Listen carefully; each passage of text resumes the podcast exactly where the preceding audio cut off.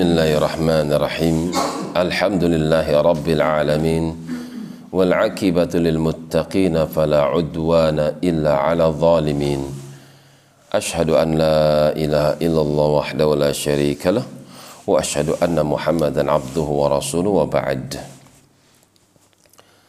masih di dalam surat Sad sampai pada firman Allah Ta'ala lahum mulkus samawati wal ard wa ma bainahuma?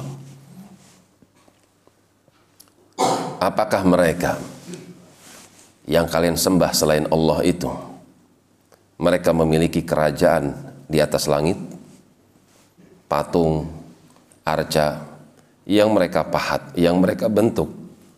Apakah mereka memiliki kerajaan di atas langit?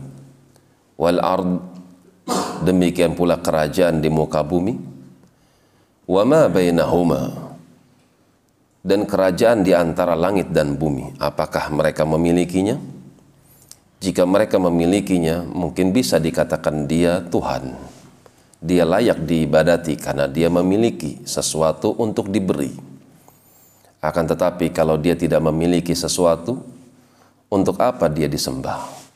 Toh dia tidak bisa memberi.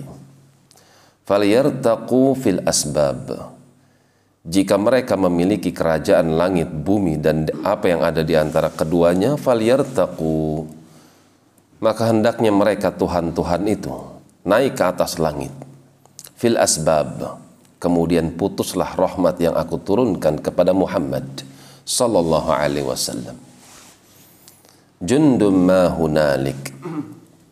Mereka itu adalah tentara-tentara, kelompok manusia yang besar, ma hunalika, mahzumun yang kelak mereka akan dibinasakan minal ahzab sama seperti ahzab kelompok-kelompok manusia yang ingkar sebelum engkau ahzab kelompok manusia dari kalangan kaum Ad kaum Thamud, kaum Nuh, dan setelahnya.